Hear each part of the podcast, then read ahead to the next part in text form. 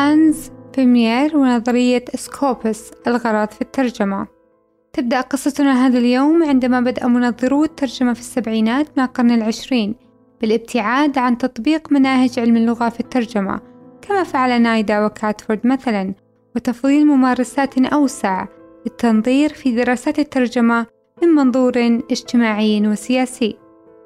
قرر فيرمير العالم الألماني والذي نشر العديد من الدراسات في اللغات الهندية والبرتغالية بالإضافة إلى لغات أخرى أن يخرج بدراسات الترجمة من الإطار الضيق لنظريات اللغويات التطبيقية إلى الأفق الأوسع لنظريات الغرض والبراغماتية الحديثة التي تربط اللغة بالواقع والهدف من استخدامها وتميز النصوص بناء على أغراضها.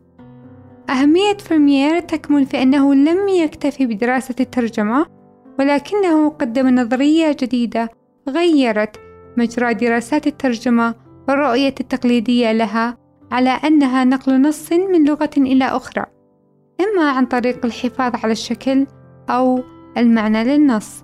وقد فتح فرميير لكل باحث مهتم بالترجمة أفقا جديدا عن طريق إدخال فكرة الغرض أو الوظيفة الخاصة بالنص إلى مجال الترجمة بل أنشأ بمشاركة زميلته كاتارينا ريس نظرية جديدة في الترجمة اسمها سكوبس أو الاسم اليوناني لكلمة الغرض أو الهدف ولهذا السبب أسماها المترجمون بنظرية الهدف أو الغرضية.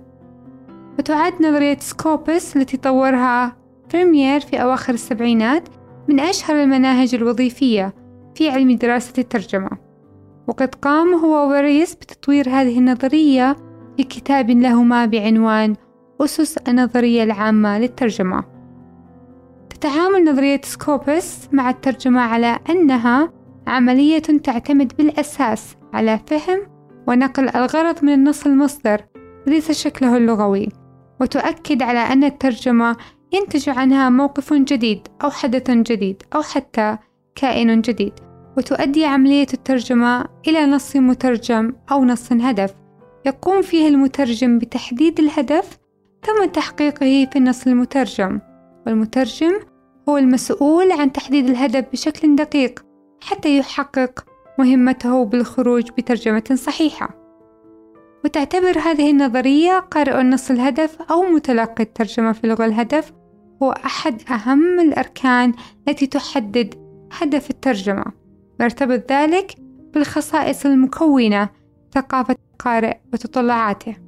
وتكمن أهمية نظرية سكوبس في أنها تسمح للمترجم بترجمة النص نفسه بطرق واستراتيجيات مختلفة حيث إنها لا ترى تطابقا بين غرض النص المصدر في ثقافة المصدر وغرض النص الهدف في ثقافة الهدف.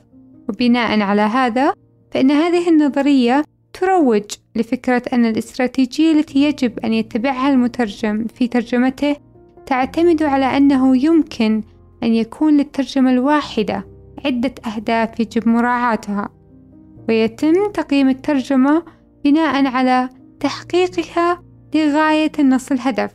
كل التغييرات والتحويلات في النص المترجم أي نص الهدف مباحة حسب نظرية سكوبس ما دامت تخدم الغرض من النص. وهذا الأمر ينطبق على كل منظري الترجمة الوظيفيين. The Functionalist يروجون لمبدأ الغاية أو الوظيفة التي يحققها النص المترجم. وهؤلاء يؤمنون بأن ما يجعل النص الهدف نصا جيدا هو ما إذا كان ينقل الغرض بشكل كاف أي أن الوظيفيون يرون أن الهدف الأساسي من الترجمة هو إنتاج نص هدف يكون وظيفيا في مجتمع القارئ الهدف. وأن تحقيق التكافؤ الشكلي مع النص المصدر لا يمثل أولوية كبيرة. وصف فرميير النص المصدر على أنه تم خلعه والنتيجة هو أنه لا توجد ترجمة واحدة صحيحة وإنما توجد أغراض متعددة للترجمة.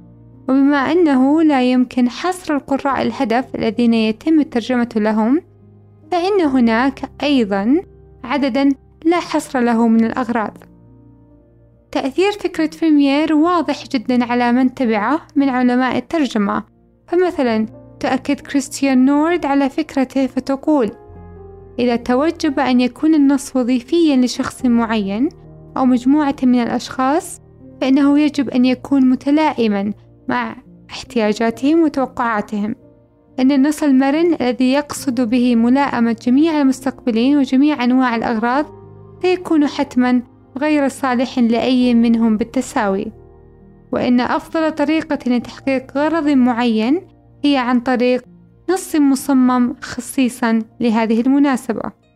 وقد تأثر أيضا سنيل هومبي بفريمير فقال إن الترجمة المثالية الوحيدة لا وجود لها وأي ترجمة تعتمد على أغراضها ووضعها. ويتم بذلك وضع حد لنقاش دار طويلا حول أفضل طريقة لترجمة الإنجيل. فقد أغلق المنهج الوظيفي الجدل القديم حول مزايا التكافؤ الرسمي الموازي للترجمة الحرفية والتكافؤ الحيوي الموازي للترجمة الحرة التي تحدث عنها منظرين أمثال نايدا ونيومارك. لنفترض مثلا أنه إذا أرادت إحدى الشركات ترجمة خطاب للعمل فإن الافتراض الطبيعي هو أن الخطاب سوف تستخدمه الشركة المعنية وفي معظم الحالات سيكون المترجم بالفعل على دراية كافية بأسلوب الشركة الداخلي إلى الحد الذي تكون فيه هذه الافتراضات صحيحة. وفي هذا الإطار يجب عند الترجمة تحقيق عنصرين أساسيين وهما الهدف من الترجمة وشروط الترجمة التي تحقق الهدف المنشود. في النهاية يمكننا القول أن نظرية سكوبس تشترك في هدف واحد من أجل الحصول على ترجمة صحيحة وهي ضرورة تحديد الهدف من الترجمة.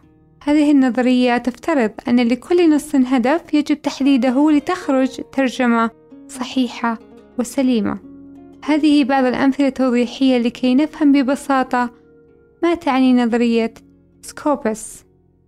تخيل معي معلمة توبخ طالبة ترتدي زيا بلون مخالف فتقول لها أنت ترتدين زيا أحمر يبدو الغرض من الجملة وكأنه إخباري ولكن في واقع الأمر فإن المعلمة توبخ الطالبة حسب المدرسة الغرضية في الترجمة يمكن أن نترجم الغرض وليس نص الكلام فتصبح الترجمة مثلا Why are you wearing red in school؟ أو Why aren't you wearing your white uniform؟ أو You are at school dear what's this color you're wearing وإلى آخره. ولأن سكوبس يهتم أساسا بنقل الغرض من اختيار الكلمة في النص الهدف وليس الالتزام بشكل النص الأصلي فيمكن تغيير الكلمات تماما حسب الغرض في النص المترجم مثل ما شهدنا في المثال السابق. هذا البرنامج برعاية متجر المترجم. متجر المترجم كل ما يحتاجه المترجم وزود. من خلال متجر المترجم تستطيع الحصول على دورات تدريبية أو ورش عمل افتراضية تساعدك على تحسين مهاراتك في الترجمة أو حتى بدء العمل في مجال الترجمة. مو بس كذا. الآن حتى مقتنيات المترجم متاحة. مقتنيات تحسسك بانتمائك لهذه المنظومة الرائعة مثل التيشيرتات وغيرها.